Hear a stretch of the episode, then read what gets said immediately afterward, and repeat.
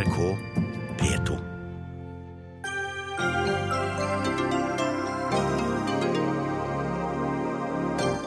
De gjør det i Danmark, de gjør det i Sverige, og nå vil også norsk politi bære våpen, og får støtte av regjeringa. Skivebom innvender Arbeiderpartiet og politiledelsen. De israelske bakkestyrkene har forlatt Gaza. Gaza kan bli som Somalia, et væpnet anarki, frykter Midtøsten-forsker. Diskriminerende at menn som har sex med menn, ikke får gi blod, mener Frp. Pasientsikkerhet er viktigere enn politikk, svarer blodbanken. Og Miljøpartiet De Grønne skulker halvparten av voteringene i Stortinget. Ingen vits i å stemme over saker vi ikke setter oss inn i, mener de, mens Venstre synes det er respektløst.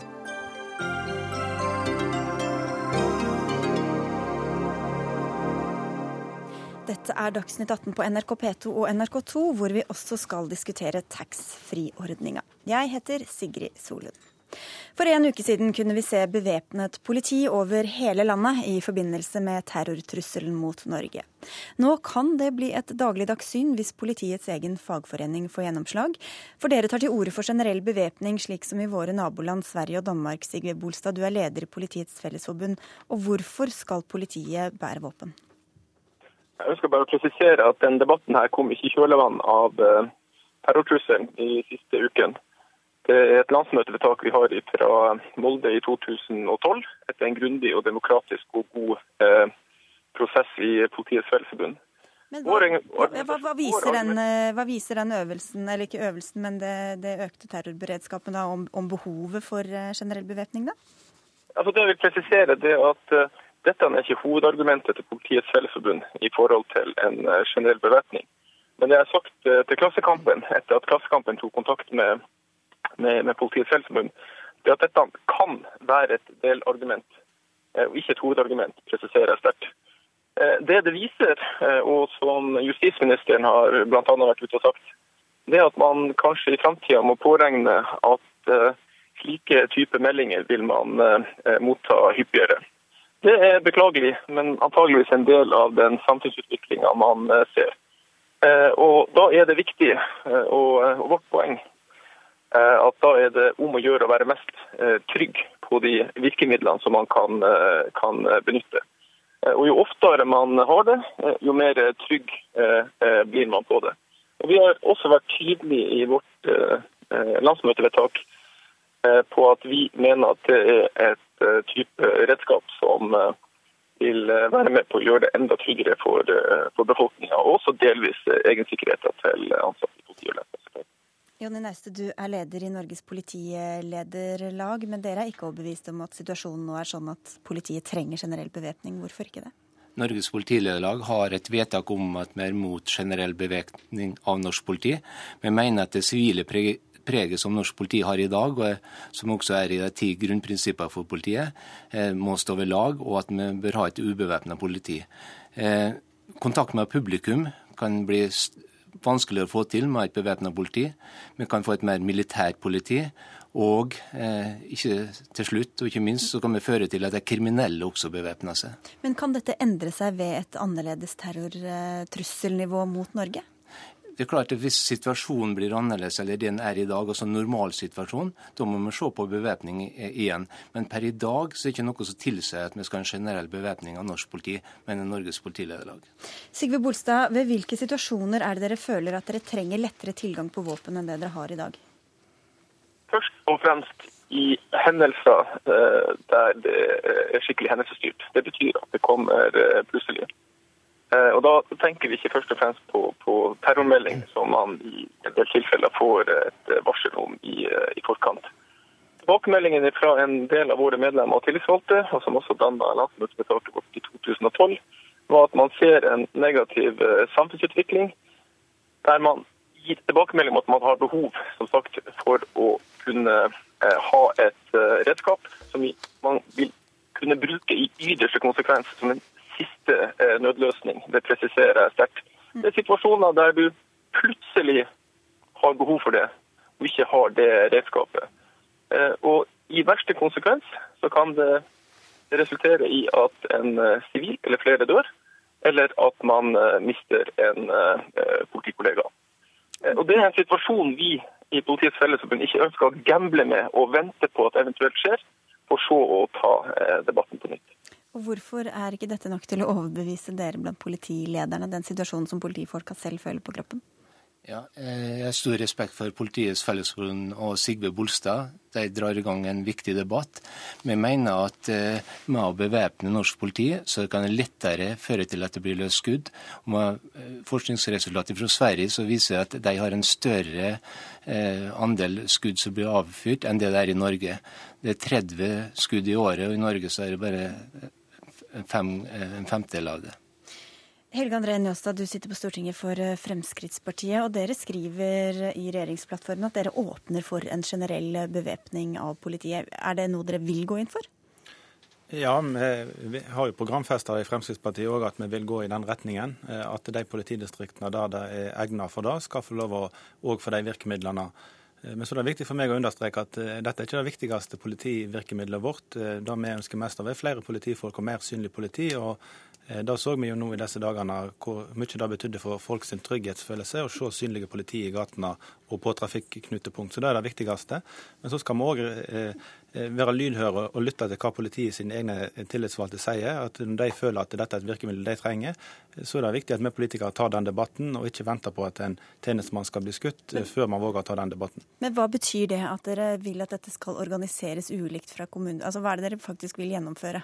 Nei, Vi vil at politimestrene i de ulike distriktene skal, eh, skal kunne fatte den avgjørelsen sjøl, eh, ut ifra at eh, det er forskjell på landet vårt. Det er ikke alle plasser der som er likt, men at dette skal bli en, en mer generell åpning enn det det er i dag.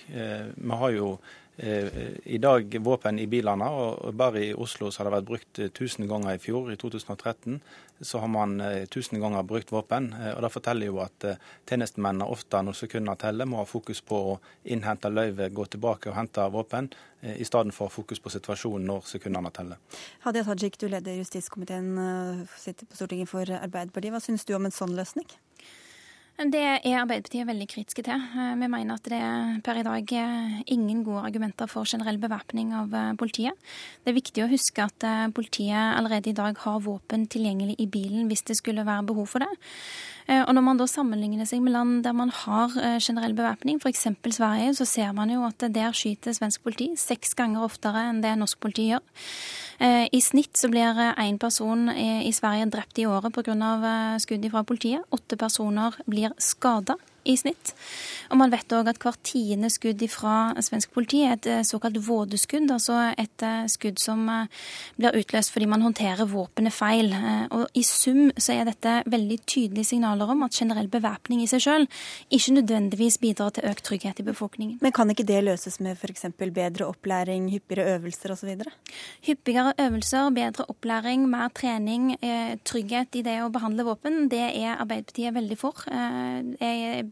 veldig tilhenger av at eh, dagens politifolk skal føle seg trygge i de situasjonene der de er nødt til å trekke våpenet. Men den store kvalitative forskjellen på det å ha våpen tilgjengelig i bilen og det å ha det på hofta, er at når man har det i bilen, så går det an å trekke seg tilbake, gjøre en vurdering, samle troppene. I motsetning til det forskerne sier, at det er tilfellet for svensk politi, nemlig at når de er i den spissa situasjonen, så må de velge mellom om de vil angripe eh, eller eventuelt trekke seg tilbake. Det er en helt annen type situasjon. Du, du skal ordet, skal bare høre med Sigve Bolstad først. Hvorfor ikke dette veier tyngre for dere, de erfaringene fra Sverige som altså viser at folk blir skadet og drept også av eh, politiet? At politiet ikke får nok erfaring fordi disse skarpe situasjonene oppstår ikke ofte nok. Og også at politifolk selv eh, opplever traumatiserende uh, hendelser. Jeg legger ikke skjul på at dette er en vanskelig debatt. Og det er ikke noen sånn 100 for generell bevæpning og 0 imot. Ja, for dere er splitta også i forbundet? Det ble vel, jeg tror det var 73-51 og eller noe sånt på, eh, på avstemninga oppe, eh, oppe, i Molde for to år siden. Så det var delt. Men det er et demokratisk lovlig fatta vedtak. Politiets Fellesforbund går for en generell bevæpning. Og jeg har ett poeng her. Men, men hvorfor det, veier ikke det, det, tyngre de erfaringene fra Sverige f.eks.? Ja, altså, Hvis det er så enormt stor forskjell mellom Sverige og Norge, så er de såpass oppegående i vårt naboland Hvorfor har ikke de reist en tung debatt eh, om å ikke ha et generelt bevæpna politi, hvis resultatene er så til de grader eh, negative?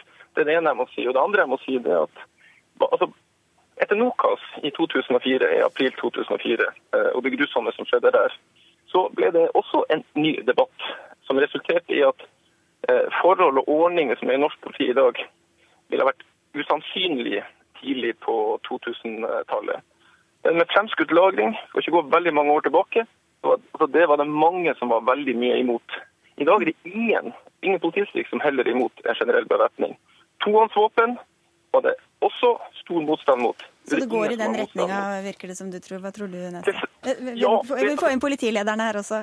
Ja, ja, Med støtte av det som Hadia Tajik sier, altså det å bruke tid før du blir bruka våpen, er viktig. Det å tenke som at kanskje noen da også tenker for det før du bevæpner det, det er et viktig prinsipp. Og vi tror at det fører til mindre bruk av skytevåpen og uh, farligere situasjoner. Og hva hvis da politifolk blir uh, skutt eller såret da, fordi de ikke rekker å hente det våpenet? Ja, uh, det er selvsagt veldig vanskelig debatt i forhold til når du setter på spissen slik som du gjør nå, men vi tror tror og mener at den framskutte lagringa som vi har i dag, gjør at eh, du, du, får tak i våpen. Eh, våpen i bilen, ja. ja. Det kan også være en situasjon der at det ikke hjelper å ha våpen på seg. Ja. Men få høre fra regjeringshold, altså dette forslaget om å la det være opp til kommunen, fra kommune til kommune. Hvordan skal dere løse det hvis det skjer noe på kommunegrensa og den ene kommunen har uh, våpen på hofta og den andre ikke har det? Det er ikke fra kommune til kommune, med seg, det er fra politidistrikt til politidistrikt. Ja. Der politimesteren er den som, eh, som fatter avgjørelse. på Det er likevel grense mellom dem, da? Ja, men eh, hvis det skulle blitt, eh, blitt, flertall for et sånt forslag og at dette blir en ordning, så finner man selvfølgelig praktiske ordninger. Og i en situasjon der et politidistrikt må yte bistand over grensa til et annet, så vil jeg tro at, at det, det, er lett å finne ordninger på hvordan man skal, skal løse en sånn situasjon. Eh, så da tror ikke jeg blir, blir noe mer byråkrati. I, I, dag er det jo faktisk eh, byråkrati. Og jeg tror det, det, er stress for polititjenestemennene å måtte innhente løyve i en eh, akutt situasjon der sekundet teller. Så må de ha fokus på å hente, eh, hente våpen, de må ha fokus på å hente inn løyve. Eh, og når sekundene virkelig teller, så kan det være er viktig at polititjenestemennene har fokus på noe annet enn byråkrati og logistikk. Mm, byråkrati og logistikk, da var det vel eh, det dere står for, da, Hadia Tajik? eller? Altså Fordelen med at eh, man innhenter løyve eh, og konsulterer noen andre før man trekker våpen, det er jo at man ikke bærer ansvaret og beslutningen om å trekke våpen i den situasjonen helt alene. For òg på dette området finnes det en del forskning på at det kan være Man kan bli veldig prega òg som polititjenestemann eller -kvinne ved å måtte trekke våpen, true med våpen, skyte, skade, kanskje òg i ytterste konsekvens drepe noen. Eh, og jeg mener at den norske modellen på dette området er god, at man trekker seg tilbake og har den konsultasjonen. Eh, Fremskrittspartiet eh, og Høyre vil jo ha en ordning der politidistriktene sjøl bestemmer om man skal ha generell bevæpning. Det mener jeg er òg en dårlig idé. NRK hadde en rundspørring faktisk med politimestrene i fjor høst, og da sa jo alle politimestrene i den rundspørringen at de kunne ikke tenke seg å ha generell bevæpning i sitt politidistrikt. Så hvis de i regjeringen faller ned på denne løsningen, så, så vil jo resultatet i hvert fall bli ønskelig. Men jeg syns det er eh, relativt feigt òg fra regjeringens side, når de først er for generell bevæpning, at de skyver politidistriktene og politimestrene foran seg på denne måten her. Ja, Du kan få en liten kort kommentar til den feigheten som dere blir beskyldt for. Nei, det er jo ikke feighet å, å på en måte lytte til, til politiet sjøl og lytte til tjenestemenn. Altså, jeg, jeg har et kraftig signal til oss i dag. Eh, og, og Hvis de da ender opp på nei, så er det greit for dere? Ja, men eh, jeg regner med at de har prosesser lokalt der òg eh, de lytter til sine tillitsvalgte. sånn at det blir ikke nei overalt, vil jeg tro, i framtida. Helge André Njåstad, du skal komme tilbake litt senere i sendinga. Så får vi også takke av dere andre som var med i Dagsnytt 18. Hadia Tajik fra Arbeiderpartiet, Jonny Nauste fra Norges politilederlag og Sigve Bolstad med på telefon, leder Politiets Fellesforbund. Dagsnytt 18 alle hverdager klokka 18. På NRK P2 og NRK2.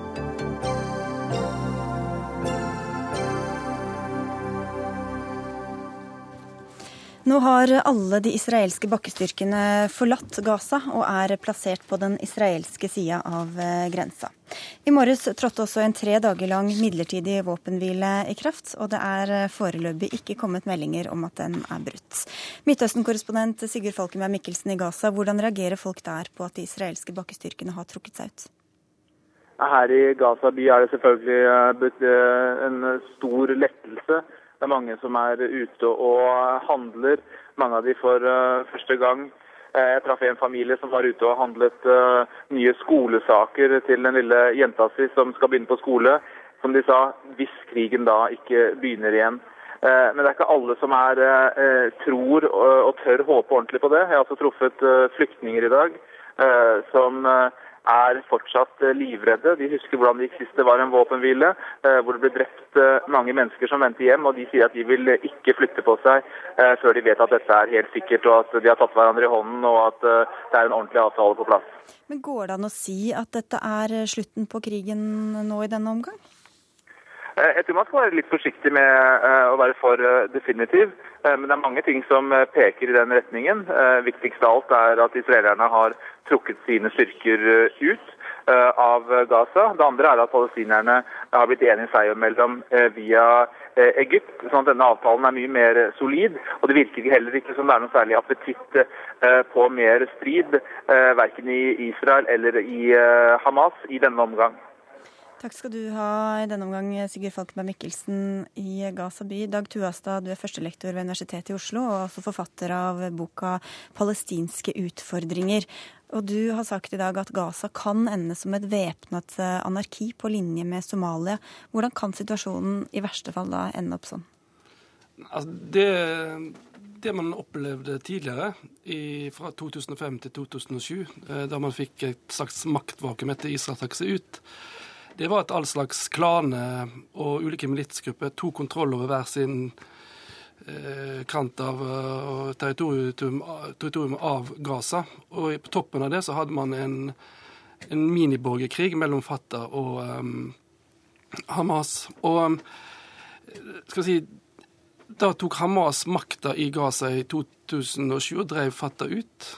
Og deres største suksess da var faktisk å få kontroll over kaoset med våpen i Gaza.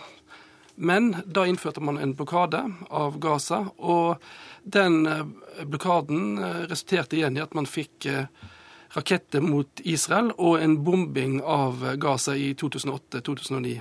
I etterkant av det igjen, da fikk man et nytt fenomen i Gaza, nemlig en oppblomstring av ulike salafist-jihadistgrupper som tok vestlige gisler og drepte denne Vittori og en italiensk aktivist. og Det var veldig utrygt for de, og Ei gruppe innførte, hadde oppnevnt et kalifat sør i, i Gaza, i Rafa. Og Hamas måtte angripe de og, og kom i konflikt med disse jihadistgruppene. Og det endte jo med flere titalls eh, drepte. Så etter krig, en sånn krig som dette, så har man et maktvakuum. Og hvis i tillegg Hamas ikke da beholder Eller går un, i, under jorda, så, så, risikerer man en lignende situasjon nå.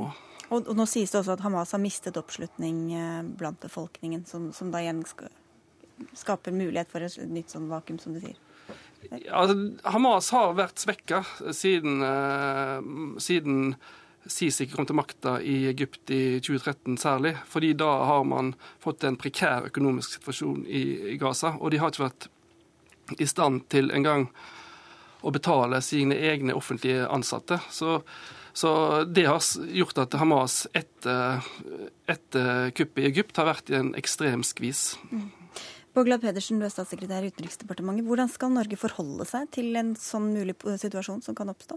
Det er viktig at vi bidrar til å støtte moderate krefter som ønsker en fremforhandla fredelig løsning. Hvem er det i dette tilfellet? Ja, Nå har det jo vært flere våpenhviler eh, som har vært brutt. Hamas har skutt raketter, Israel har svart. Men nå har vi hatt en våpenhvile som har stått i hele dag uten rapporterte eh, brudd. Og det er positivt at det er en prosess nå for å forhandle frem en varig våpenhvile som inkluderer en bred palestinsk delegasjon, og som inkluderer også israelsk side. Og Vi må bidra til at et politisk press på partene, som velger en sånn politisk forhandlingsløsning fremfor eh, vold, for at alternativet er de sivile lidelsene som vi Men har sett. Hvis alternativet er enten Hamas eller noen som er enda mer ytterliggående enn Hamas, hvordan skal ja, Norge da forholde seg til det? Men altså, Hamas har jo tapt popularitet siden de eh, tok makta i 2007. Det henger sammen med eh, flere ting. Du var inne på Egypt.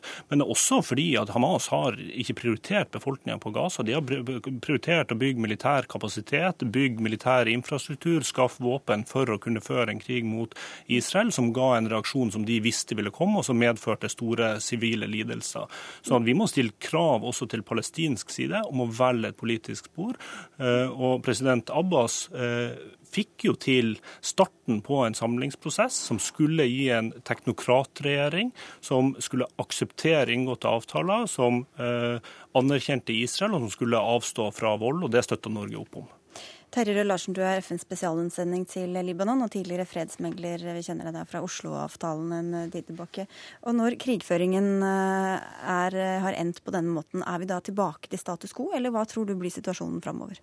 Nei, Jeg tror det bildet som er blitt tegnet her av mine to kolleger, er veldig riktig. Jeg tror det mest sannsynlige scenarioet er eh, kaos og anarki eh, i Gaza, i hvert fall i de nærmeste måneder.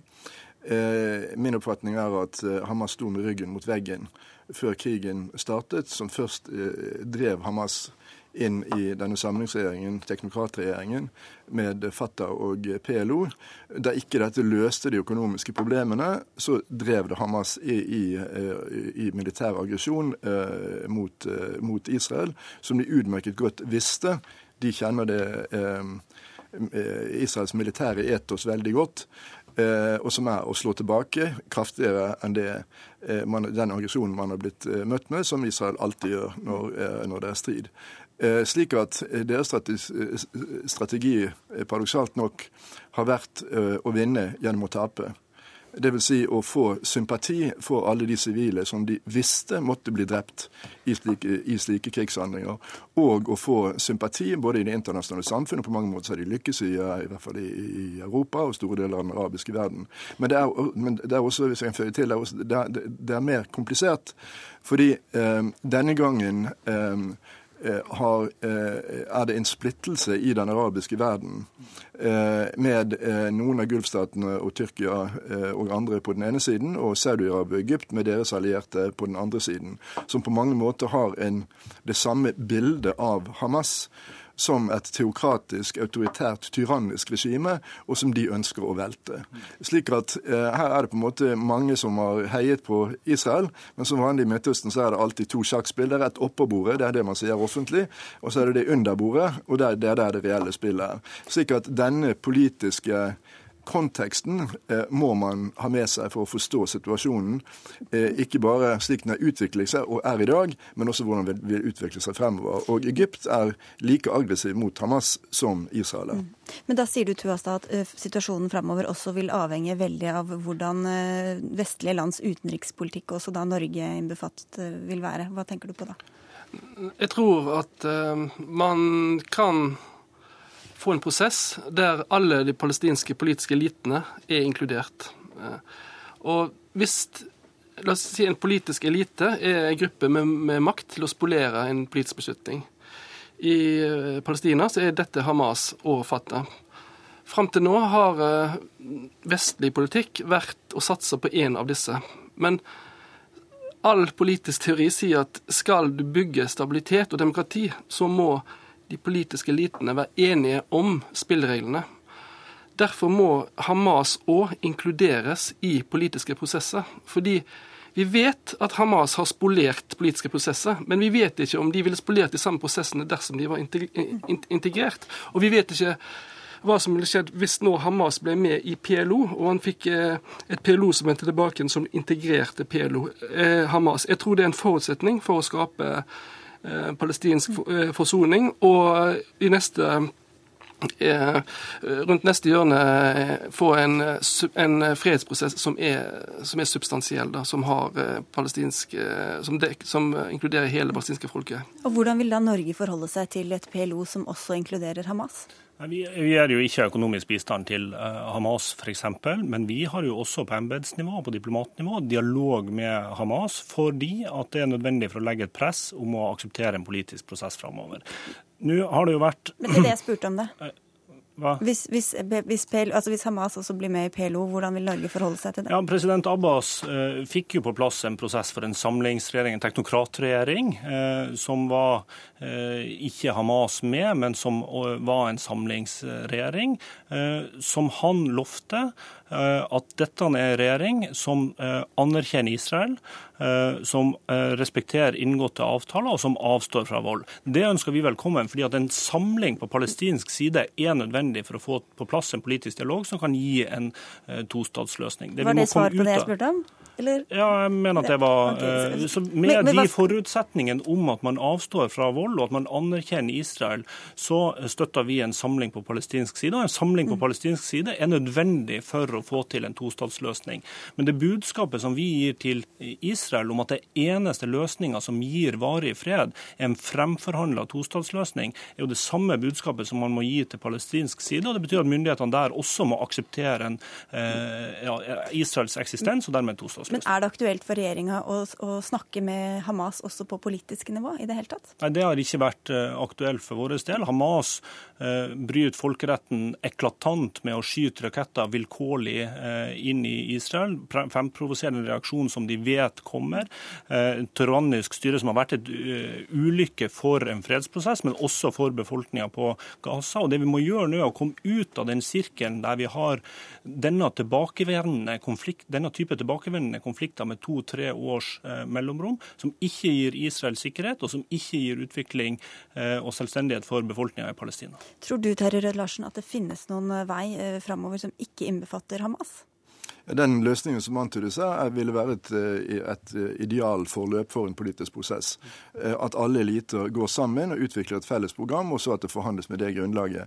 Men jeg er ikke så sikker på om det er så veldig realistisk. og Hovedgrunnen til det er at Eh, slik den israelske regjering ser ut i dag, så er det mer enn tvilsomt om den vil forhandle med politiske enheter eh, hvor, eh, hvor Hamas er med. Slik at det er et idealbilde. Men at det er spesielt realistisk, er jeg noe usikker på. Men la meg, la meg tilføye her at altså det er på en måte to eh, mulige forløp vi har diskutert her. Det ene det er kaos og anarki. Det andre er at man får eh, de politiske elitene i Palestina til å jobbe sammen, og at man får en mer positiv utvikling.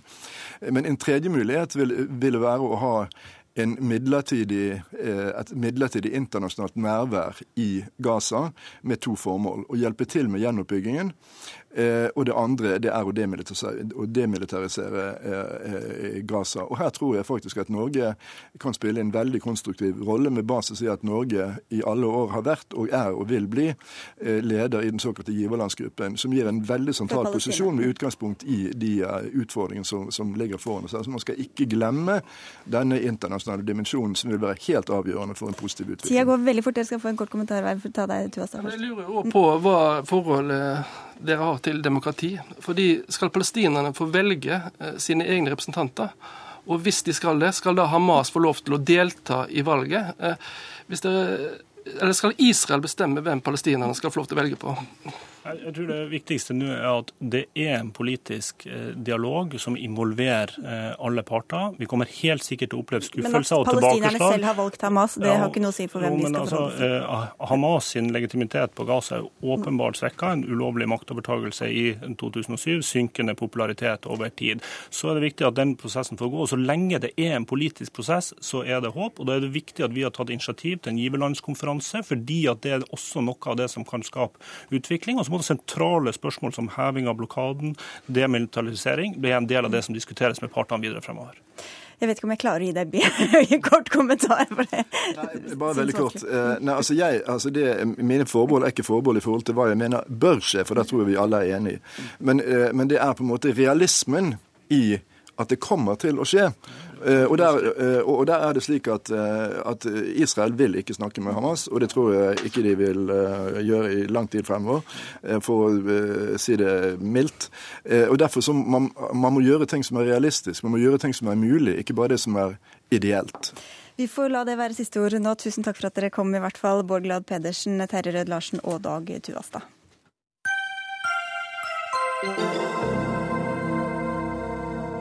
Og snart spør vi i Dagsnytt 18 om vi bør skrote taxfree-ordninga, men først. Til tross for stadige rapporter om blodmangel, er det fortsatt mange mennesker og grupper som ikke får lov til å gi blod.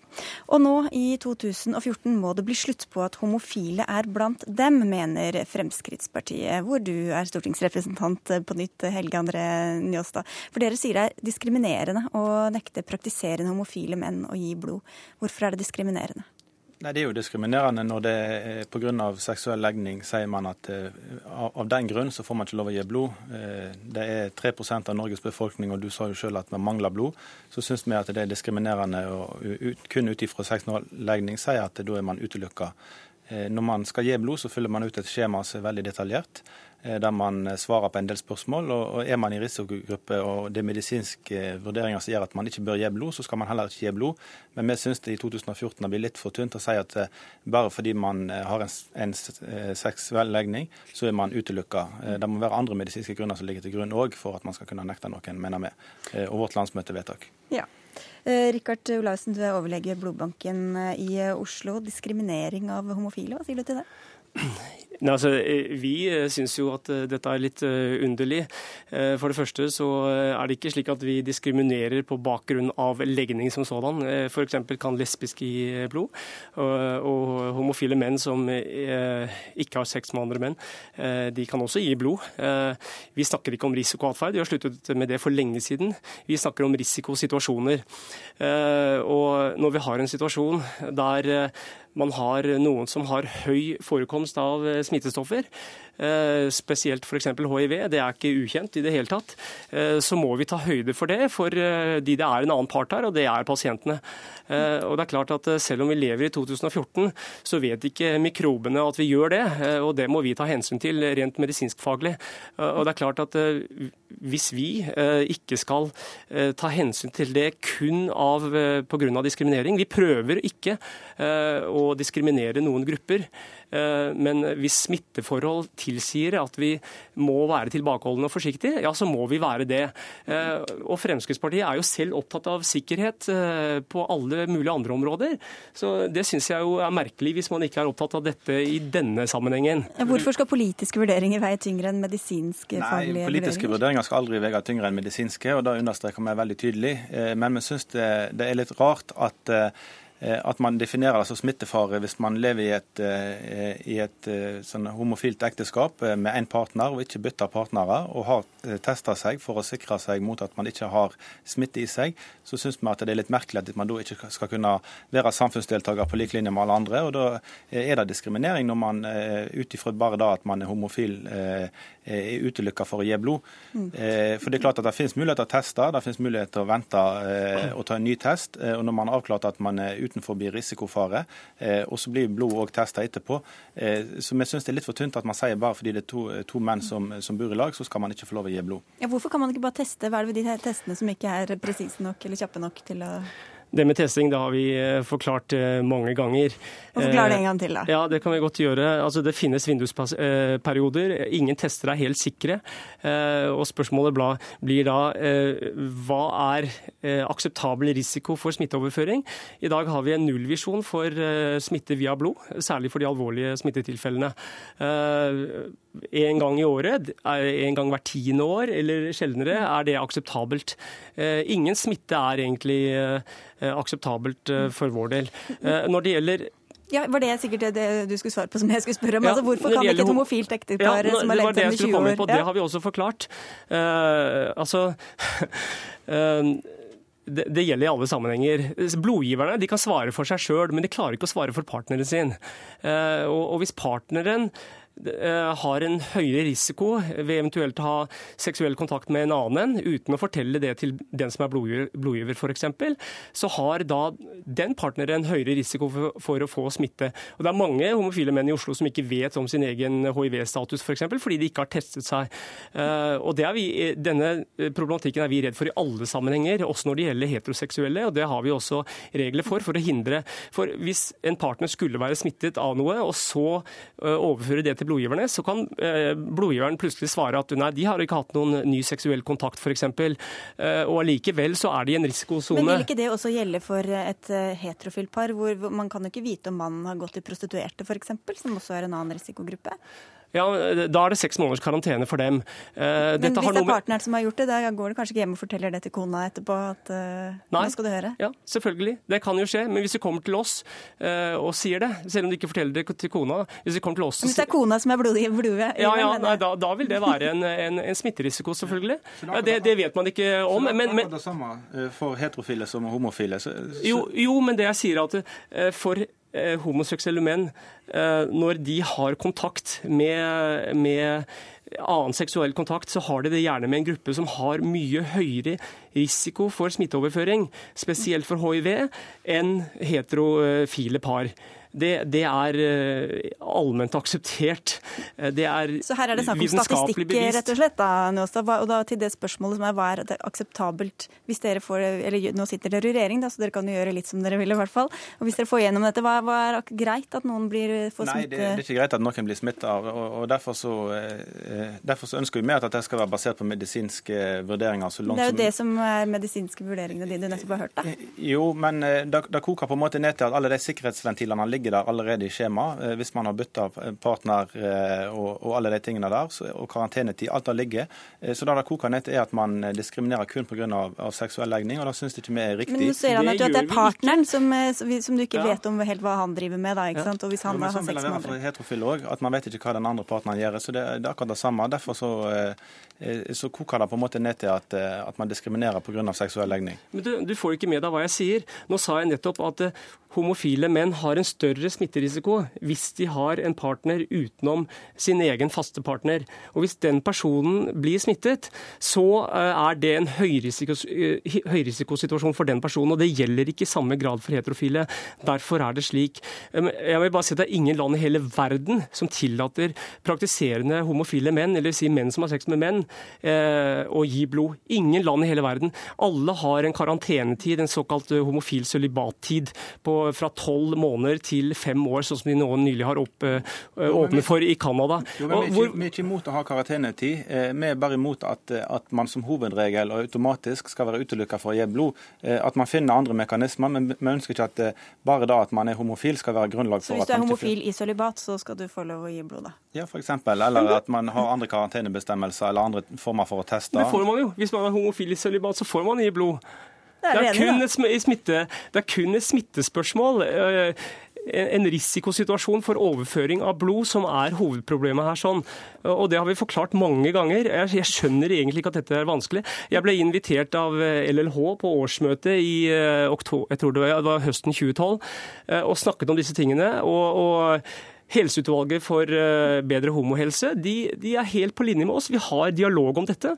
Jeg kan ikke forstå at vi diskriminerer eh, homofile menn. Det forstår jeg ikke. Vi, altså, hvis, det, hvis, det er det, så er det bare pga. Eh, risiko for smitte. Og vi skyver ikke pasientene foran oss. Jeg mener at vi heller går foran pasientene for å hindre at sårbare og svake grupper skal bli utsatt for smitterisiko. Vi får se hva dere ender opp med, og hvem dere får med dere, og hva forslaget eventuelt blir. Eh, Helge André Njåstad fra Frp, takk skal du ha, og takk også til Rikard Olaussen fra Blodbanken. Så går vi fra seks til fyll.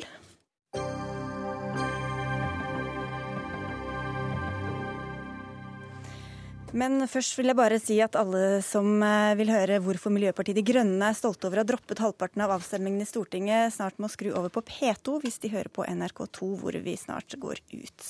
Og nå spør vi om det er riktig at salget av alkohol på Gardermoen skal finansiere utbyggingen av flyplassen. Spørsmålet har dukket opp etter at Dagens Næringsliv i helga skrev om milliardkostnadene for utbygginga av Gardermoen, som skal finansieres med økt alkoholsalg.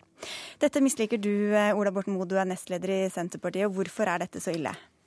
Ja, Gardermoen-utbygginga er jo noe som vi eh, alle ønsker. Den starta på 6 milliarder og ender på 14. Det er en differanse på 8 milliarder eller to operabygg. Eh, og så blir det fremstilt nærmest som om det ikke er noe problem, rett og slett fordi at man skal øke salget av avgiftsfri tobakk og avgiftsfri alkohol til det norske folk. Det mener jeg er feil av to årsaker.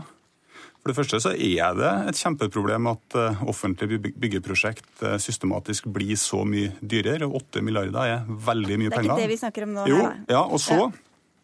må jeg jo innrømme at det provoserer meg eh, ganske mye. At det, blir, at det blir nærmest ufarliggjort gjennom at man skal øke eget salg. altså At det ikke er offentlige penger. og Til det vil jeg bare si at det er fellesskapets ressurser, også om det er avgiftsfritak, for det er noen som betaler for det i andre enden. Så vil jeg gjerne tilføre to ting til som har aktualisert denne debatten. og Det ene er den veldig aggressive markedsføringa av ordninga som vi nå opplever. Og Kommer du på Gardermoen nå, så er det ikke sånn at du kan velge å ikke gå inn i taxfree-butikken. Alle blir slusa gjennom taxfree-butikken til alle døgnets tider. Det opplevde jeg sjøl tidligere i sommer. Det syns jeg var utidig. Eh, og det andre det er jo både de endra kvotene og de økte kvotene til regjeringa, som jeg mener endre og sette den norske alkoholpolitikken i spill på en helt annen måte enn det som eh, Eller en helt ny situasjon. Og til sammen så gjør det at jeg syns vi skal reflektere over om ja, er det punkt én eh, riktig å forsvare ordninga ut fra at det går til et godt formål? Og punkt to eh, skal vi reflektere over om vi ikke bør ta bort hele ordninga? Dette er tross alt en subsidie av miljøskadelig eh, atferd. Eh, du blir belønna med billig tobakk og billig alkohol hvis du reiser med fly, og man vet alle hvilke kostnader det påfører samfunnet i neste omgang. Her var det mange argumenter. Da vil jeg bare høre med deg, Gjermund Hagesæter, du er finanspolitisk talsperson i Fremskrittspartiet, hva de prinsipielle begrunnelsene er for at folk som er mye ute og flyr, skal få kjøpe billigere vin og brennevin?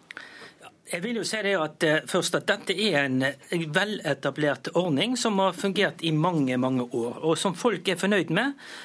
Og så sikrer det at man, når man har vært ute av landet, så får man da uh, kjøpe noe til taxfree, altså uten avgifter. Men hva er de prinsipielle begrunnelsene ja, det, for å ha en sånn ordning? Det er det akkurat det samme som mange andre har, mange andre land har. EU-kvoten er atskillig større enn den norske kvoten når det gjelder alkohol.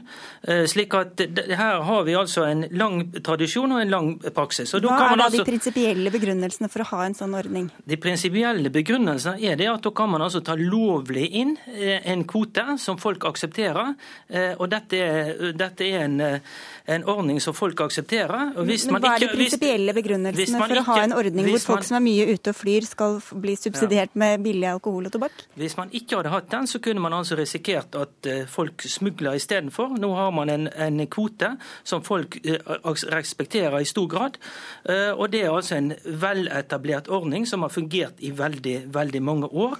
Og, eh, og, som jeg er fornøyd med, og som fungerer utmerket, og som ikke skal fjernes. Ok, Så det at den har fungert i mange år, eller at mange bruker den, det er begrunnelsen?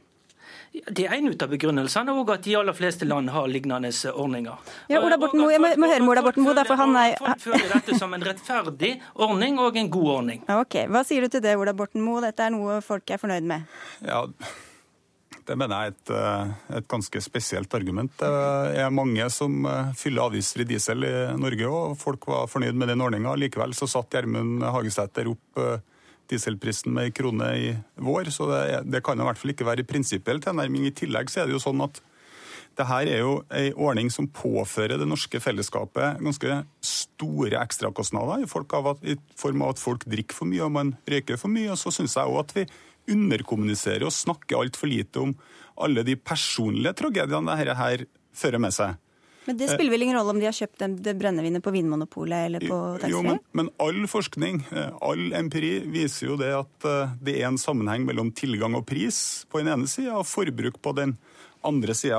Som jeg sa innledningsvis, en av de tingene som har endra seg Hagesæter sier at dette er en innarbeidet ordning. Ja vel, tidligere så var det eh, helt andre kvoter.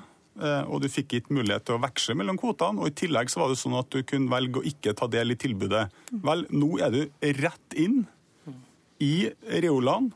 Til, det var du inne på. Mm. Ja, ikke sant? Og ja. Det er veldig aggressiv markedsføring. Jeg tror nesten aldri jeg har vært ut for så Du skal få slippe til, Hagesæter, men vi må få med noen som sitter og nikker over bordet her også. Kai Henriksen, du er direktør i Vinmonopolet. Hva syns du om at Avinor skal finansiere en større flyplass eh, gjennom økt taxfree-handel? Vi har jo ikke noen sterke synspunkter på hvordan Avinor driver sin virksomhet. Men når Avinors virksomhet så til de grader går utover virksomheten til en annen statsbedrift, nemlig Vinmonopolet, som også har et veldig tydelig samfunnsoppdrag, så må vi eh, reagere. Jeg må innrømme at jeg eh, reagerte med vantro når jeg så de prognosene som Avinor har for alkoholsalget på, på Gardermoen. Og Hvis de prognosene slår til, så vil altså Eh, så vil altså en, hver fjerde flaske av det vi drikker av vin og brennevin her i Norge, være kjøpt på taxfree, altså avgiftsfritt. Og Det er jo ingen god ordning. Det vil både undergrave Vinmonopolets økonomi og legitimitet. Det er nå én ting, men det aller viktigste er at eh, taxfree-salget fører til sterk merdrikking utover det som ellers ville skjedd. Og det fører til store økte kostnader for samfunnet når det gjelder å bøte på helseskader. Det er interessant å se at etter at taxfree-salget ble introdusert på ankomst, så har altså akuttinnleggelser og innleggelser på norske sykehus som skyldes en alkoholrelatert diagnose, den har øket med over 50% Vet du at det er en sammenheng mellom det? da? Nei, Det er jo ikke en direkte sammenheng, men vi ser, at Vinmonopolets salg har stagnert. Fra 2008 og 2000 til i dag så er det ingen økning, mens taxfree-salget har jo eksplodert. Og Samtidig så øker altså sykehusinnleggelsene. Så jeg må jo bare anta at den økte forbruket som vi får nå i Norge gjennom grensehandel og taxfree, den fører selvfølgelig til økte eh, helseskader og økte kostnader for samfunnet. Da må vi høre med dere i Avinor, da, der du er konsernsjef Dag Falk Pedersen. Hvorfor skal flyplassutbyggingen finansieres av eh, billig alkohol? Ja, først må jeg få lov å korrigere det som Ola Borten Moe sa. Så eh, budsjettet ble økt fra 12,5 til 13,5 milliard, med ca. 1 milliard. Og, ja, det var et lite sidespor, men jeg skjønner du vil korrigere. Vi har ingen annen eh, politikk enn det vi har hatt. Vi har de rammevilkårene som eh, eier og staten har gitt oss. Eh, vi forholder oss til de på en ordentlig måte. og Vi har ikke endra noe politikk eller gjør noe annet i dag enn det vi har gjort tidligere for å finansiere lufthavnene. Vi tar opp lån og effektiviserer driften. med Det som hoved, hovedmåten å, drive dette på. Men jeg må få lov å si det at det vi gjør i Avinor, det er jo å finansiere et helt luftfartssystem. alkoholsalg utgjør en del av de inntektene der. Eh, vi har eh, andre eh, inntekter gjennom vanlige avgifter. Vi har salg av, eller utleie av areal for servering og for parfyme. Og Hva hadde skjedd hvis dere ikke hadde dette som det, inntektskilde? Da Da ville vi vært nødt til å redusere investeringene og også kanskje redusere driften. altså legge ned flyplasser. Så flere, færre flyavganger og færre Nei, flyplasser? Altså, de store flyplassene er, driver seg jo sjøl. Altså, det er ikke noe problem å drive Gardermoen med redusert omsetning av alkohol. Men de små flyplassene i distriktene ville nok ikke hatt utfordring med å kunne drive hvis ikke vi har de inntektene vi har hatt. Mm. Og så kan man jo si at da må man jo ha andre inntektsmuligheter, eller at det er finansierings over statsbudsjettet. Ja, hvordan ville du løst det da, Ola Borten Moe? Du er jo veldig opptatt av distriktene. Ja, selvsagt. Og så er det sånn i denne saken som i alle andre saker at, eh, at målet hellige jo Eller middelet hellige, hellige ikke målet. Det er ikke sånn at selv om det går til et godt formål, så er det helt uinteressant hvor pengene kommer fra. Eh, og jeg vil bare si rent generelt, jeg syns vi underkommuniserer, spesielt nå i siste, hvor store eh, kostnader og problemer rusrelaterte eh, sykdommer fører med seg. Så til det her til Avinor-sjefen. Jeg vil gjerne spørre rent konkret. altså Når jeg nå kom på Gardermoen sist, så går jeg gjennom Jeg havner rett i taxfree-butikken.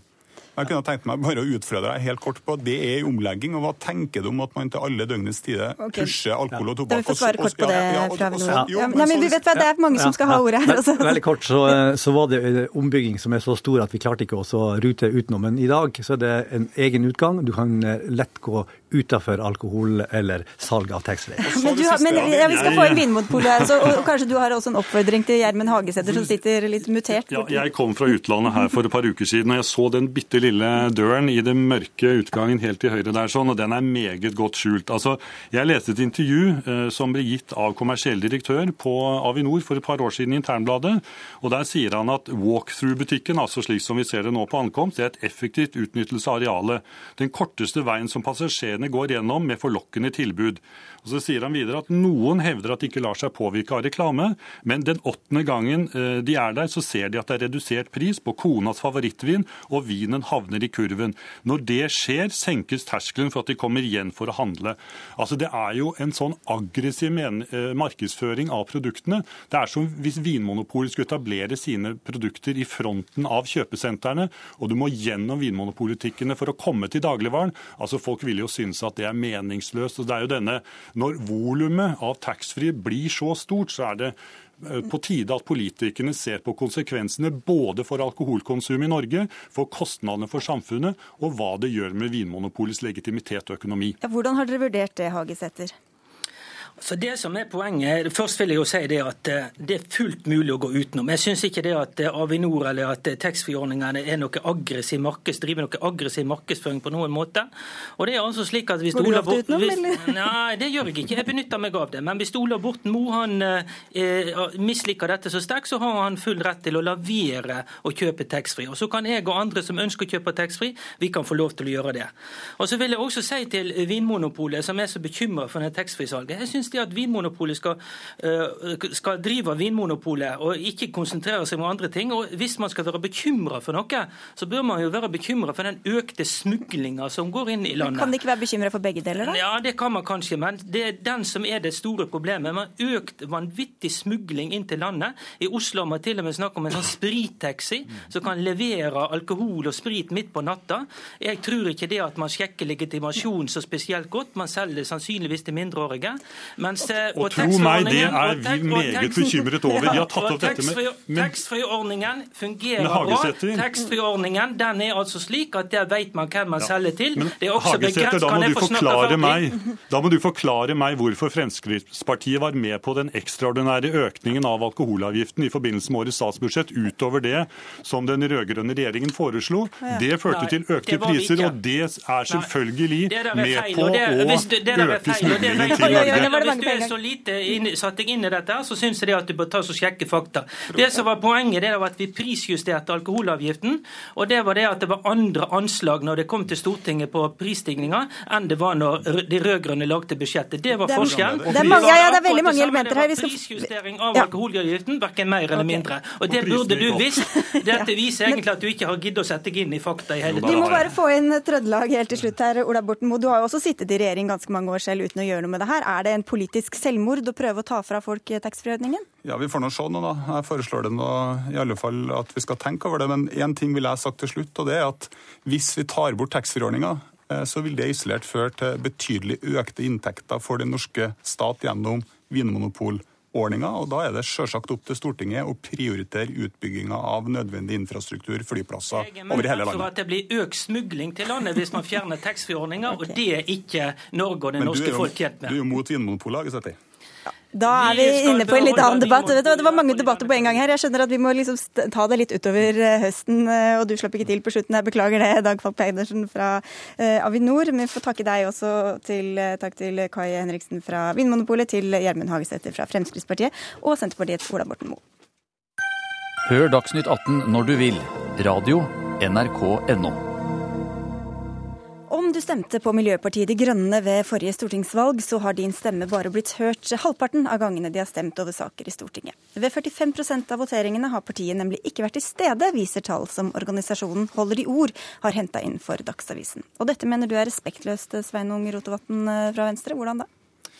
Um, nei, altså, MDGs innsats på Stortinget får velgerne der å ta stilling til ved neste valg. Men, men som stortingsrepresentant så reagerer jeg. og det er fordi at Stortinget er ikke bare ei postkasse der en kan levere partiprogrammet sitt og ellers drive med andre ting. Det er faktisk 169 representanter som møter der, som kommer med ulike forslag. Av og til kan de faktisk ha noe for seg.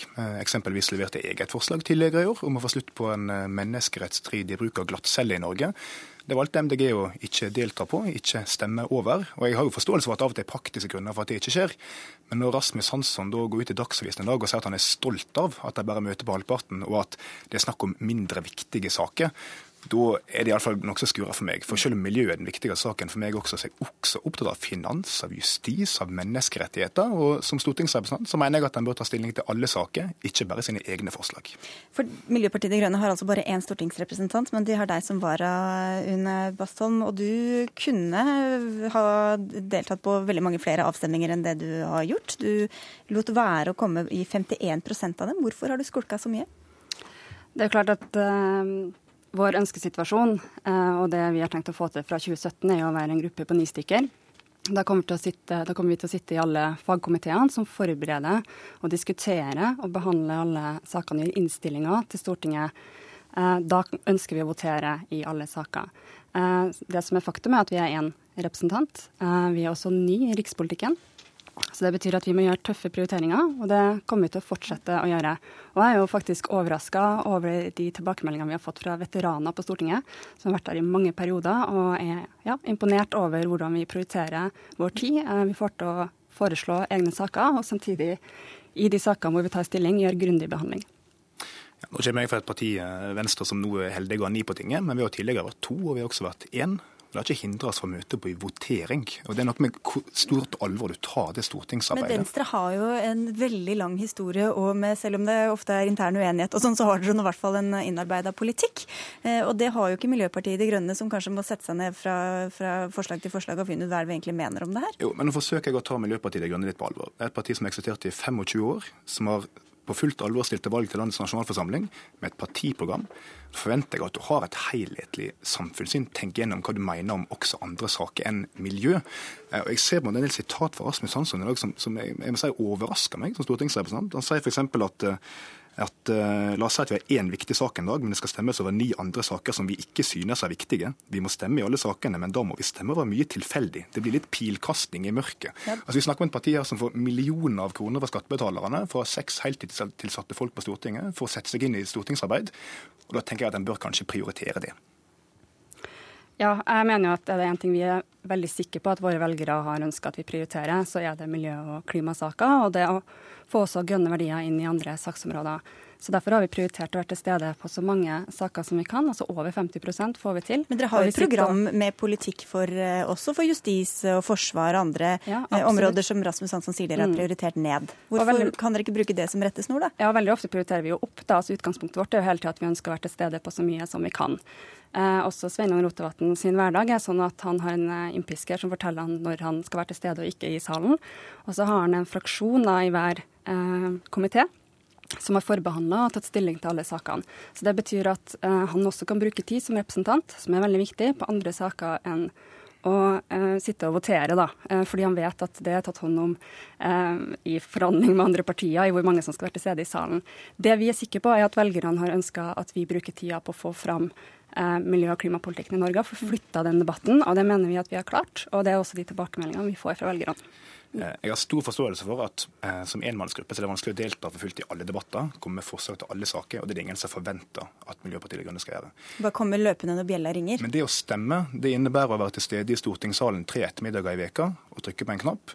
Og det er faktisk ikke frivillig å stemme. Når jeg leverer et forslag om å få slutt på menneskerettsstridig glattcellebruk på Stortinget, så forventer jeg jo at de andre partiene leser det.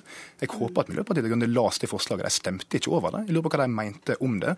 Og det samme gjelder viktige saker som de ikke har deltatt i. Høre om de har lest det, da. Jeg har absolutt lest det, og jeg var enig med Sveinung Rotevatn i den saken. Hvorfor stemte du ikke over eh, for det, da? Da tror jeg ikke jeg var, var det, fungerende vara. Um, men uh, det viktigste her er jo altså hvordan vi bruker tida. Og, og det som er synd, eh, som vi veldig skulle, gjerne skulle gjort noe med, er jo at vi er bare én representant. Vi er ikke bare på en måte et nytt parti eh, på Stortinget. og Det gjør at den tida som vi har å bruke Rasmus på, den må prioriteres hardt. Eh, om vi ikke er i salen, så har vi tid til andre ting. F.eks. kan Rasmus møte velgere, og delta i debatter hvor han også får Men har dere ikke andre i partiet som skal gjøre det, da, når han som sitter på Stortinget, skal, hører til på Stortinget? Jo, han eh, er jo også stort sett på Stortinget. Vi prøver å legge eh, Rasmus sin kalender til rette for at vi skal kunne være til stede så mye som mulig i salen. Ja, altså, er det klart, altså, Miljøpartiet De Grønne må ta sine egne valg, og velgerne deres får uh, ta sine egne valg, de også. Men jeg er opptatt av at Stortinget skal fungere. Uh, og det ville jo ikke fungert på Stortinget hvis alle tenkte sånn som de gjorde, at de prioriterer å være utenfor Stortinget i debatter i stedet for å være der og stemme. Vi må være der og stemme. Og når viktige saker som spørsmål om kommuneproposisjonen, støtte til jernbane mellom Notodden og Skien, tiggeforbud, glattcellebruk, nordsjødykkerne Når han ikke deltar i det, og velgerne ikke får vite hva partiet mener om dem, så ville i hvert fall jeg tenkt at det burde være noe en prioriterer litt høyere framover, og ikke karakterisere andre sine forslag som lite viktige. Vi nærmer oss slutten, men dere, fordi dere har jo ønska å ikke bare være en ensaksparti. Hvordan stemmer dette overens med det? Og nå kunne jeg nevnt alle de sakene vi faktisk har tatt stilling til. Vi har faggrupper innenfor alle politikkområder som jobber med å utvikle politikken vår og bidra til at vi kan delta i veldig mange debatter. Vi sitter i kontroll- og konstitusjonskomiteen, som gjør at vi hele tida har et eh, si, tverrpolitisk, tverrfaglig eh, samarbeid på Stortinget. Vi mener at vi er valgt inn av velgerne på Stortinget for å prioritere miljø- og klimasaken og komme med egne forslag, nye saker som flytter debatten. Vi får uh, sette strek der, for nå er det ikke mer tid igjen. Men takk skal dere ha i hvert fall, Sveinung Rotevatn fra Venstre og Une Bastholm fra Miljøpartiet De Grønne. Det var Ida Tune Øretsland som hadde ansvaret for denne sendinga. Lisbeth Seljereite var tekniker, og jeg heter Sigrid Solund.